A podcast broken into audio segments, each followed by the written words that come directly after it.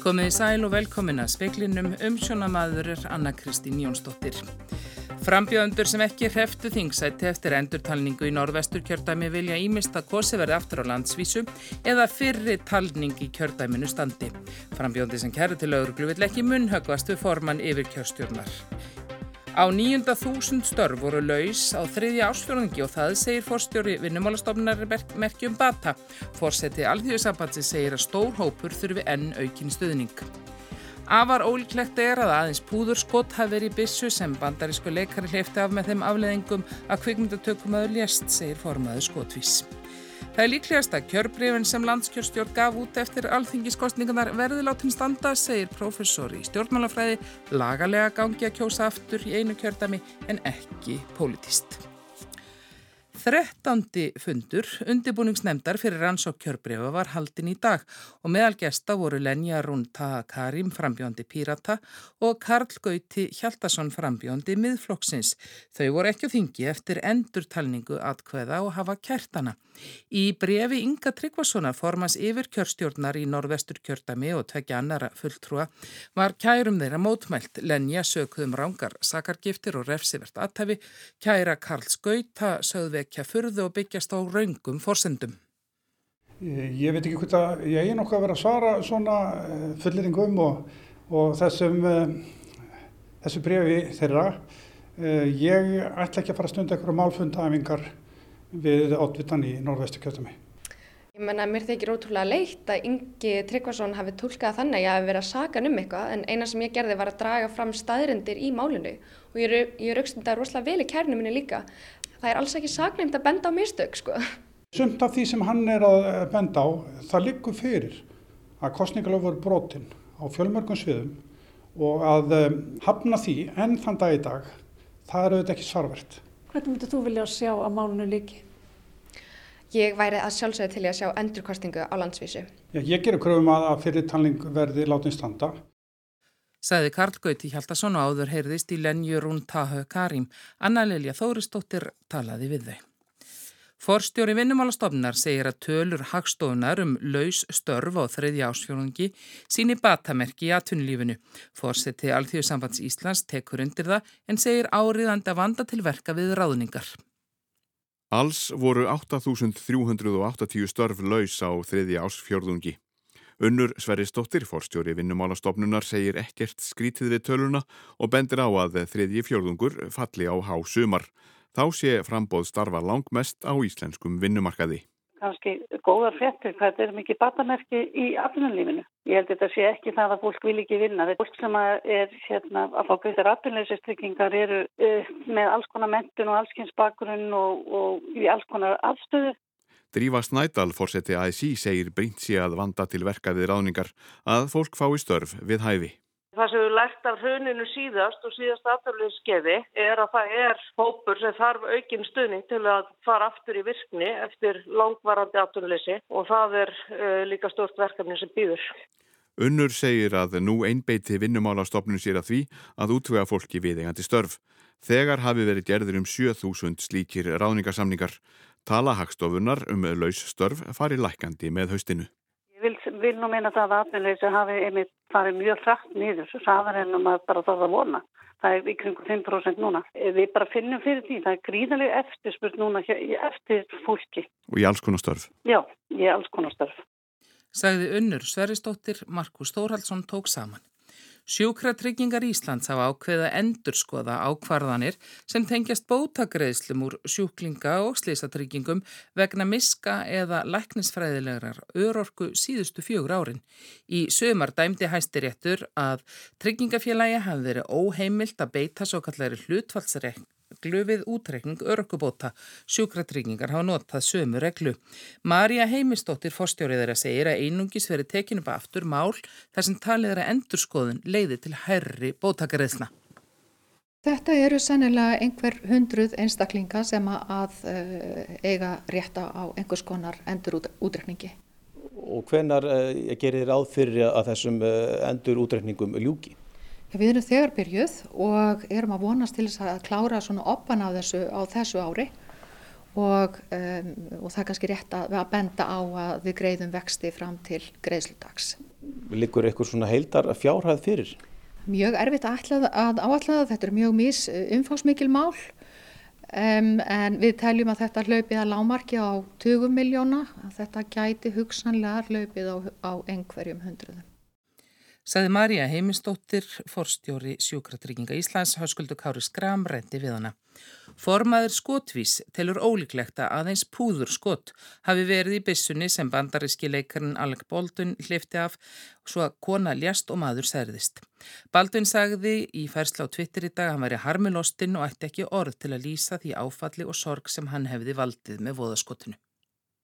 Kvikmyndatökumæðurinn Helena Hutchins lesta völdum skotsára við tökur á kvikmyndinu Röst í Nýju Mexiko í bandaríkjónum í gær. Alec Baldwin sem leikur aðalhutverki myndinni hlifti skotun af að söglauröglu. Leikstjórin Joel Sousa særðist einni en hann hefur nú verið útskrifur að sjúkrahúsi. Baldwin hlifta bissur leikmunadeild myndarinnar sem er vestri og gerist í kringum 1880. Rannsóknar hafi náði hvers konar skotfari voru nótuð í bissuna. Við tökur á kvikmundum eru alla jafna nótuð púðurskott. Ági Ármann Jónsson er formað skottvis félags skottviðimanna. Það er líklega sko skambis að það er yfir sem við verðum að nota og með það það tveir sem að særast á með ég nú haldi að þetta væri skambis sem hefur verið hlift úr tveimur skottum á sík aðran sko. Það ofta að vera púðurskott í þessari bissu, geta þau hægt fólk og þannig að þetta er? Það á ekki verið möguleg sko. Það á bara að vera púður í þeim skotum og ekki engi svona alvöru kúlur að nesvað getur fara úr hlaupinu. Þannig að kemur bara reykur og kvellur og, og ekkert annað. Myndur þú segja að það var mest að líkur á því að það hafi verið alvöru skoti í þessari bissu? Ég finnst það langt líklega sko með við lýsingarnar. Menn hafi bara óvart hérna sett þannig alvöru skoti í. Og skotvís hefur einmitt verið svona að kenna leikurum hérna á Íslandi að handfjalla skotvopn? Já, það hefur verið leitað til okkar. Og hvað svona hafið þið að leiðaljósi í þeirri kennslu? Það er náttúrulega bara beinaldri hlaupinu að neinum og hérna meðanlega alltaf þannig að þessu séu hlaðin sagði Áki Ármann Jónsson, Kristín Siguradóttir talaði við hann. Eggert Gunnþór Jónsson, fyrirverandi landsliðsmaður í knatsbytnu og leikmaður FH segist saklaus af ásökkunum sem á hann hafi verið borðnar um kynferðsbrott í Kaupmannhöfn árið 2010. Í yfirlýsingu í dag segir hann að það sé áfall að vera sakkaður um hræðilegt ofbeldisbrott vegna atviks sem ekki hafi verið með þeim hætti sem líst hafi verið í fjölmiðlum. Eggert Gunnar segist að óskað eftir því byrjun oktober að gefa skýrslu hjá lauruglu og greina frá sinni hlið málsins. 65 tónlistarmenn úr 12 hljómsveitum koma fram á tónlistarháttíðinni Eirarrokki á Akureyri sem haldin verður í fyrsta sinnum helgina. Rokkarar verða þar á öllum aldri og ætla að skapa stemningu eins og var fyrir 30 árum þegar hljómsveitir komi saman aðalega sér sjálfum til skemmtunar. Ágúst Ólafsson hitti Röggvald Braga Röggvaldsson sem er eitt þeirra sem standa fyrir Eirarrokki.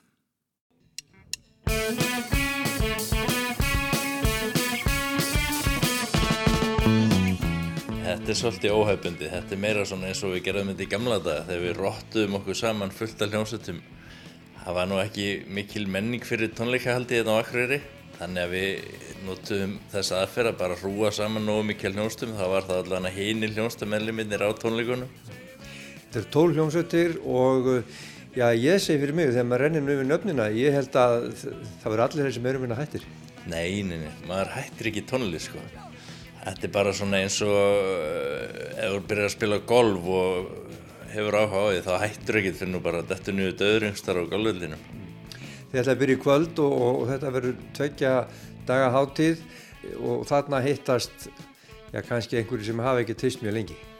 Þarna hitti maður svona kalla á svipu kalibir og maður er sjálfur svona sem er kannski komni flestir og léttast að skeiði og hérna þetta er svona hálfgeð bara ásatíð má segja af svona hljónstum af jæðrin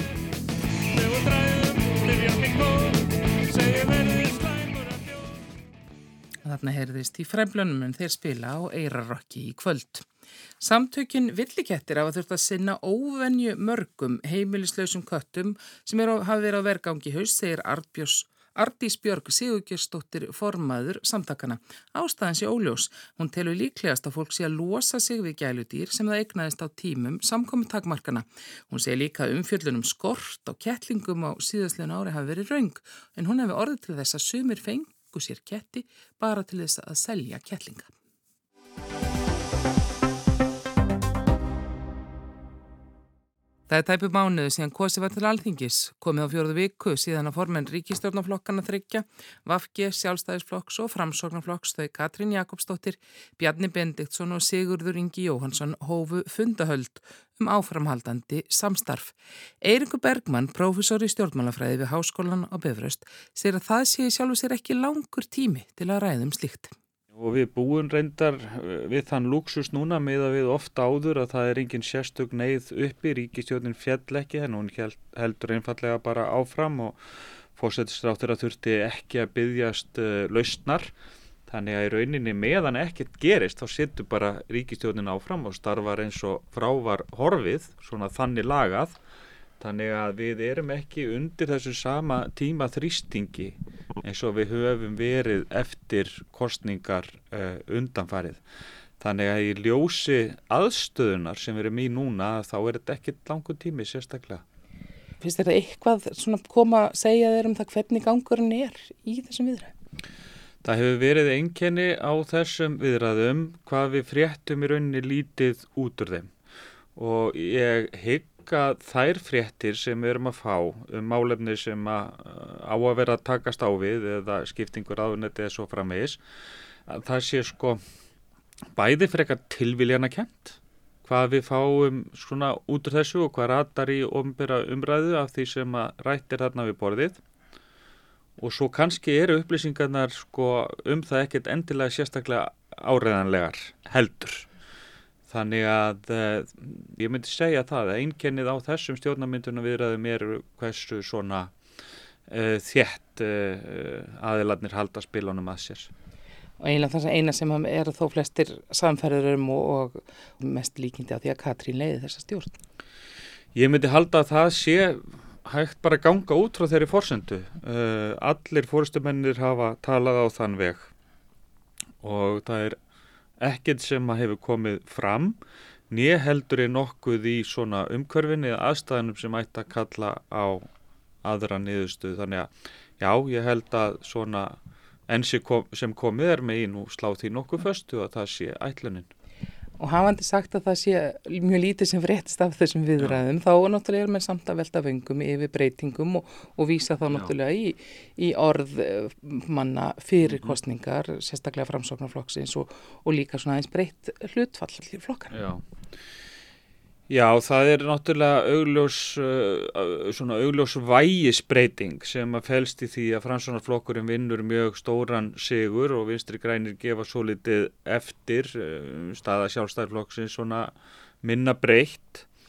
Og auðvitað þurfa niðurstöður stjórnamynduna viðraðina að endur spekla þetta með einhverjum hætti, ég síður auðan úr þannig að það er Fóristan verðist nokkuð ljós að það er Katrín Jakobsdóttir út á hennar personu fylgi, frekar heldur en fylgi flokksinsins sem mun leiða þetta en það eru aðra leiðir til þess að lifta fransunarfloknum.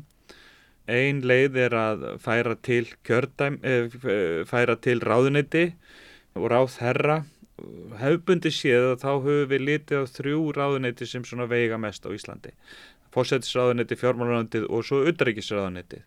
Framsunarflokkurinn eh, hefur ekki haft neitt af þessum ráðuneytum og, og það má nú kannski segja að fyrstu tvö séu svona nokkuð frá tekin en þá kannski væri hægt að flytja utrækisráðuneyti til Framsunarflokksins en þá sko kemur að því að það er nú ekki endilega formaður Framsunarflokksins sem að þykir heppilega á stríðan stól heldur kannski frekar varaformaðurinn og svo hafa menn, menn líka reyndar komist að því í setni tíð að það er ekkert sérstaklega heppilegt fyrir flokksformen að sitja í stóli utaríkisráð þeirra en eiga síður er ekkert frálegt að framsvonarflokkurinn gæti fengið það ráðunetti og til viðbótar væri búið til einhvers konar þunga miðjur ráðunetti í íslensku svona efnagslífi menn hafa sem við kallaði innviðaráðunetti þetta geti líka verið svona efnagsmálinn komið saman inn í meira svona uh, meira þungaviktar ráðuneyti fyrir formannin en það er bara svo margar aðrir, margir aðrir útvæslega möguleikar líka, það er ómögulegt að segja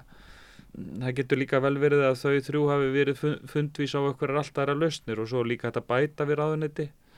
Eh, það er alveg svona rými fyrir allavega neitt í viðbót Þegar gengi er á fóringjanum gangin í viðræðunum er þau óspör á þau svör að málefnin skipti mestu. Það sé lítið fara að hugsa um ráðunetin skiptingu þeirra og hver fari með hvert.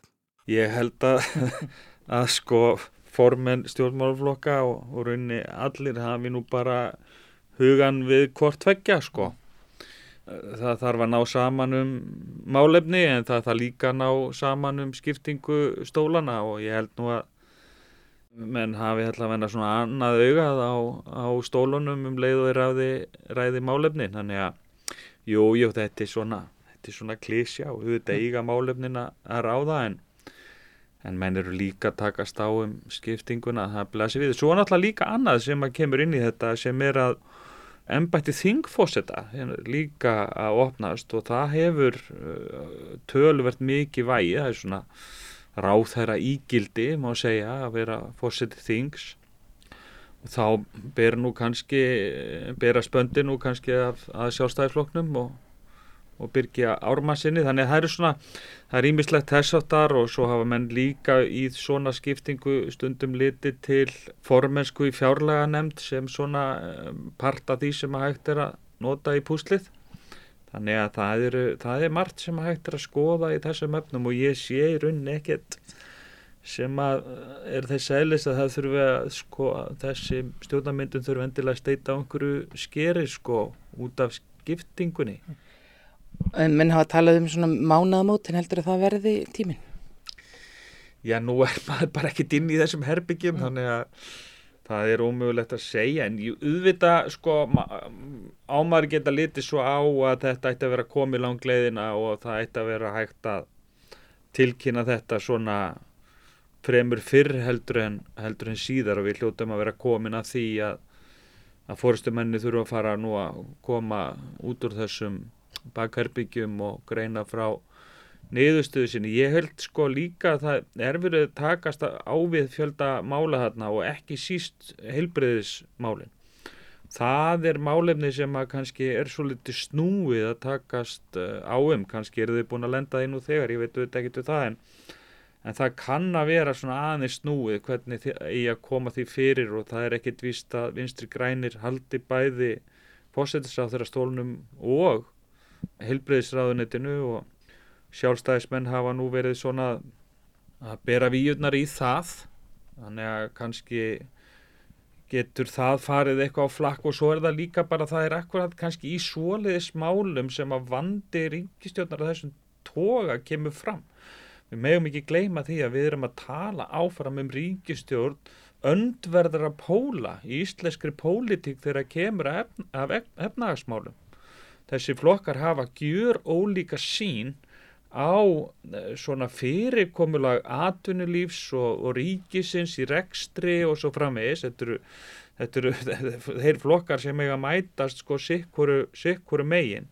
Og þegar þú ert með slíka ríkistjónir það er að hafa verið líka í löndunum í kringum okkur en við þekkjum það alveg að þá er það oft svona stór ágreiningsmál sem sitja á hakanum og það er í rauninni, þau damka svolítið áfram og það er í rauninni ekkert gert í þeim hann er bara svona lappa upp á málaflokkana svona frá degi til dags en ekki gerðan inn að sérstakar breytingar. Og það gengur í stuttan tíma en það gengur ekki til langframa. Og svo erum við náttúrulega komið út úr ástandi þar sem að, að plágan hefur bara sett heilbreyðsmálinn í allt annan fókus heldur en áður var þannig að kannski er það bara stóra sko áskorunin fyrir þessa stjórnaflokka ná einhverjum lendingu um heilbreyðsmálinn til næstu ára sem er, sem er þá umfram það að gera ekki neitt. Eins og áður sagði senn mánur frá því að kosið var þing, menn býða þess að verða kallaðir til þings, en það er ekki búið að prófa kjörbreyfin og Birgir Ármannsson sem Eirikur nefndi að hann fennu fyrir undirbúningsnemnd vegna rannsóknar á þeim, ekki síst í norðvestur kjördami. Þetta eru þetta alvöru mál, það hefur átt sér stað nokkuð augljóslega ansi mikill misbrestur í framkvæmt uh, talningarinnar. Hvort að sá misbrestur leiði til ógildingar útgefuna kjörbriða það á maður svona erfiðara með að sjá. Því að slík uh, ógilding bara er, er svo gríðarlega flókið og alvarlegt mála fari gegnum fyrir Íslands tjófélag þannig að jafnvel þó svo að við getum uh, sko neykslast jafnvel á ímsu í, í þessari framkvæmt eða fundist leitt hvernig á, svona haldið hefur verið að málum í því að, að þá eru rauninni allar aðrar niðurstöður heldur en að staðfesta útgefið kjörbreyf það er risavaksin að eh, það er erfitt að sjá það verða í sjálfu sér. Þannig að líklegasta niðurstaðan maður horfið bara kallt á þetta utanfrá, það er ekki þar með að hún verði öruglega neitt slitt en líklegasta niðurstaðan er þetta verði á endanum staðfest svona. Og er það þá helst vegna þess að uppkostning eða endurkostning í einu kjördæmi sé bara ekki, ekki vænlegur eða bara raun hefur kostur? Og sko, lagalega sínist mér það alveg geta gengið upp að það sé kosið upp í eh, einu kjördæmi en pólitíst er það svo miklu miklu flóknara það breytur öllum forsendum þeirra kostningar, þá er það þessi kjósendur sem þar ganga til kostninga er að gera það undir alltaf öðrum forsendum heldur en aðrir eh, kjósendur.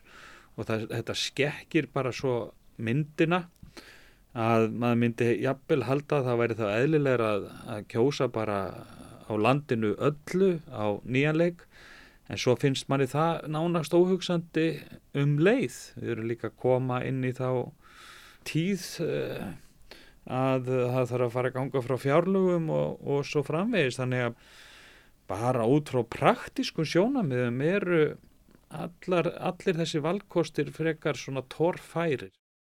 Sagði Eirikur Bergmann.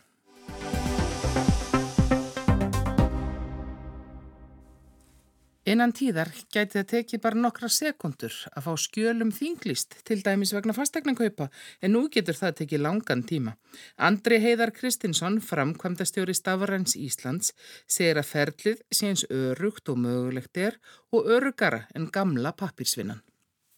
Við þekkjum þannig að öll sem hefum fastegna eða höfum keft okkur bíl að þurfa að býða jafnvel í fleiri vikur eftir því að pappirinn farið til síslumanna og sé þinglist. Þannig að við erum auðvitað að reyna að bæta þjónustuna og auka hraðan í þessum viðskiptum. Þannig að rafræna þinglýsingar að þær geta tekið einhvers örstutastund, bara nokkra sekundur. Þannig að það er markmiðið með rafræna þinglýsingum. Þetta lítur náttúrulega líka að vera spartnaður í, í ofinbjörnum rekstri, er það ekki? Jú, ég held að það sé ekki spurning að þessi stafræna vegferð sem við erum að fara í heilt á ríkið, hún á að annars vegar bæta þjónustuna, hún á að auka þjónustuna við fólki í landinu en hún getur líka spara pening ef við segðum bara bent út, það er ótrúlega sóun hjá ríkinu við það. Það er þannig að, að í þessum málum eins og þinglýsingum mikil hluti af vinnu við þinglýsingar er bara svona sjálfvirt ferli, það er bara að vera að tekka af kennitölur, mávið, komið til þinglýsa og svona hluti sem að tölfur eru rosalega góðar í. En svo eru kannski flókin mál hjá síslumönnum sem að hafa þá verið að býða meðan fjölskyldumann og fleira sem þurfa mannlega aðkomu. Þannig að, að það er mjög mikilvægt að spara í þessum hluta sem er bara sjálfurkur, innsláttur og, og fleira til þess að geta nýtt krafta fólksins betur í flóknari mál sem að þarf að vinna í. Er virkilega að leggja mat á. Já, já, akkurat. Og það er alveg þannig líka. Það eru undatækningar tilvíkið þinglýsingum sem að þarf sko, fólk með mikla hæfni til þess að meta lóðamörk og ímislegt fleira. Við viljum setja fókusin þangað. En hvernig gerist þetta þá? Ég menna það eru hlutir sem að þarf að kanna. Hvernig gerist það að hérna, bara sækjur um einhver, einhverjum pappir sem þinglist og, og hvað gerist? Það sem við erum, erum að gera í þessu verkefni er að við erum að reyna að senda í snæðin fyrir að senda pappir á milli fólks og, og, og stopnana og senda fólk á milli stopnana að, að reynlega að stopnanar tali sín á milli með uh, tölvun og sendi gögg sín á milli þannig að bankarnir, lífeyrissjóður og síslumenn og þjóðskrá og fastegnaskrá og allir þess aðala, þetta er allt aðala sem eru þó tengdir. Þannig að þannig eru tölvunar að tala saman. Þannig að þannig er þá rauninni bara verið að fara yfir þinglýsingun og spurt, ok, hver á, hérna, hver á þessa eign má hann þinglýsa? Já, svo þá er það sendt fyrir spurn til kannski fastegnaskrár, hver er núna þinglýstur eiganda þessari eign? Síðan er kannski kannad ef það er fyrirtæki, er viðkomandi prókur hafi fyrir viðkomandi fyrirtæki þá er bara sendt svona svo kallar vefþjónustu kallnir í skatt spurt er þessi aðili, er andri prókur hafið þessu fyrirtæki þá kemur svari já eða nei og þannig er rauninni virkar þetta þannig að við erum bara að tengja alltaf þessi kerfi ríkisins saman þannig að tölvuna getur tala saman og örganhátt en að við þurfum ekki að, að, að flakka á milli með pappýra í bunkum og býða í byðröðum og, og síðan í kannski tvær-þrjár vikur eftir því að, hlutunum sé þinglýst. Og hvað tekur svona ferli langan tíma? Herðu, það var gaman að segja fyrir því, það er núna um tvær vikur síðan við þinglýstum fyrsta skuldabrifinu, veðskuldabrifinu rárænt. Það var aðlið sem var að köpa sér bíl og því var eh, þinglýst rárænt.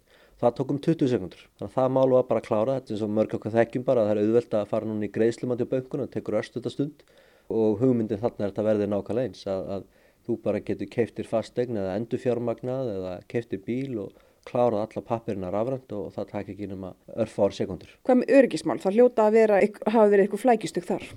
Já, ekki spurning. Það var tölvöld flækjustug þar og, og þetta er náttúrulega þannig ferli að það er gríðarlega mikild að það sé öryggi, að það sé tröst á ferlinu og, og þetta virki allt eins og það á að gera. Þannig að við hefum lagt rosalega mikið upp úr því, uh, svo kallum búnað skilríkjum að þetta sé allt staðalað Þetta er mjög vel skilgreint, við erum með þetta í mjög opnu ferli hvernig tæknin á bakvöðunum er flókin að mörgu leiti en við ætlum að fórum með tæknilega lýsingu í samráðsferli, samráðskáttstjórnvalda þannig að það liggur algjörlega fyrir og opið hvernig þetta er gert, hvaða staðla við notum.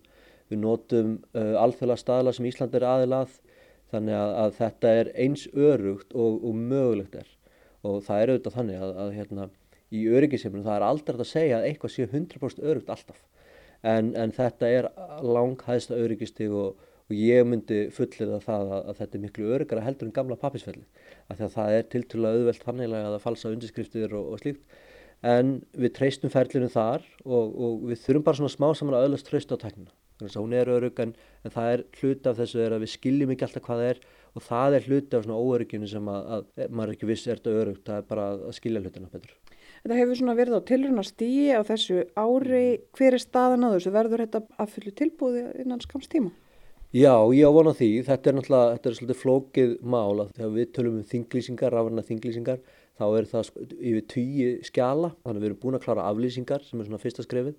Það er þegar við greiðum með blánið endur fjármungu þá er því aflýst. Það er svona hluti, það er búið og það er núna yfir 50% af öllum aflýsingum á landinu er rafrænt. Þetta er svona kannski bakvislan sem við kannski borgarnir sjáum mikið mikið síðan er það skuldbreyting og síðan er það veðskuldabrifin og þau eru kláruð. Það var stóri áfangin að klára veðskuldabrifin.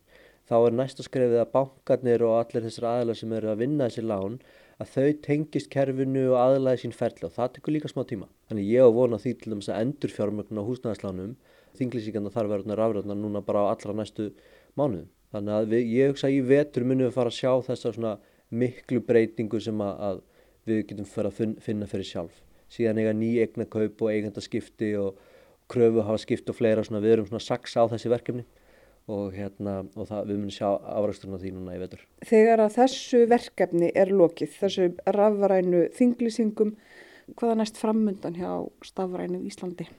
Það eru stór verkefni framundan líka áfram með síslumönnum í, í fjölskyldumálum. Við ætlum að vera að ræða dánabúð, það er svona flókimál, margir sem koma að þegar, þegar verið að skipta dánabúðum sækja upplýsingar við það. Uh, við erum að kynna núna á næstu, bara allra næstu dögum og vikum uh, nýtt app þar sem að fólk getur svona haft, eins og segjum, ríkið í vasanum þannig að þú getur fengið samskipti, allt samskipti ríkisins á einu stað. Uh, við erum að fara í innlegingu núna á stafrinu postólu sem að einhverja stopnarnir eru að nýta sér nú þegar. Þá við settum lög núna í vor og sem, sem bara raunverulega skilda stopnarnir til þess að veita stafrinu þjónustu og senda í staðan fyrir að senda pappir á lögheimili að þá getur þú fengið allt í, í postóluðitt ef þú svo kýst. Þannig að það er, það er að nóg að taka. Sæði Andri Heiðar Kristinsson framkvæmdastjóri Stafræns Íslands, Ragnhildur Torlasíus rætti við hann. Og veðurhorfur á landinu til miðnættis annað kvöld eru þær að það verður allkvöss, suðaustanátt og ryggning um allt land í kvöld. En mun hægari, suðlega átt og skúrir, sunnan og vestanlands á morgun, bjart viðri verður norðan og austan til á landinu og frekar myllt í veðri.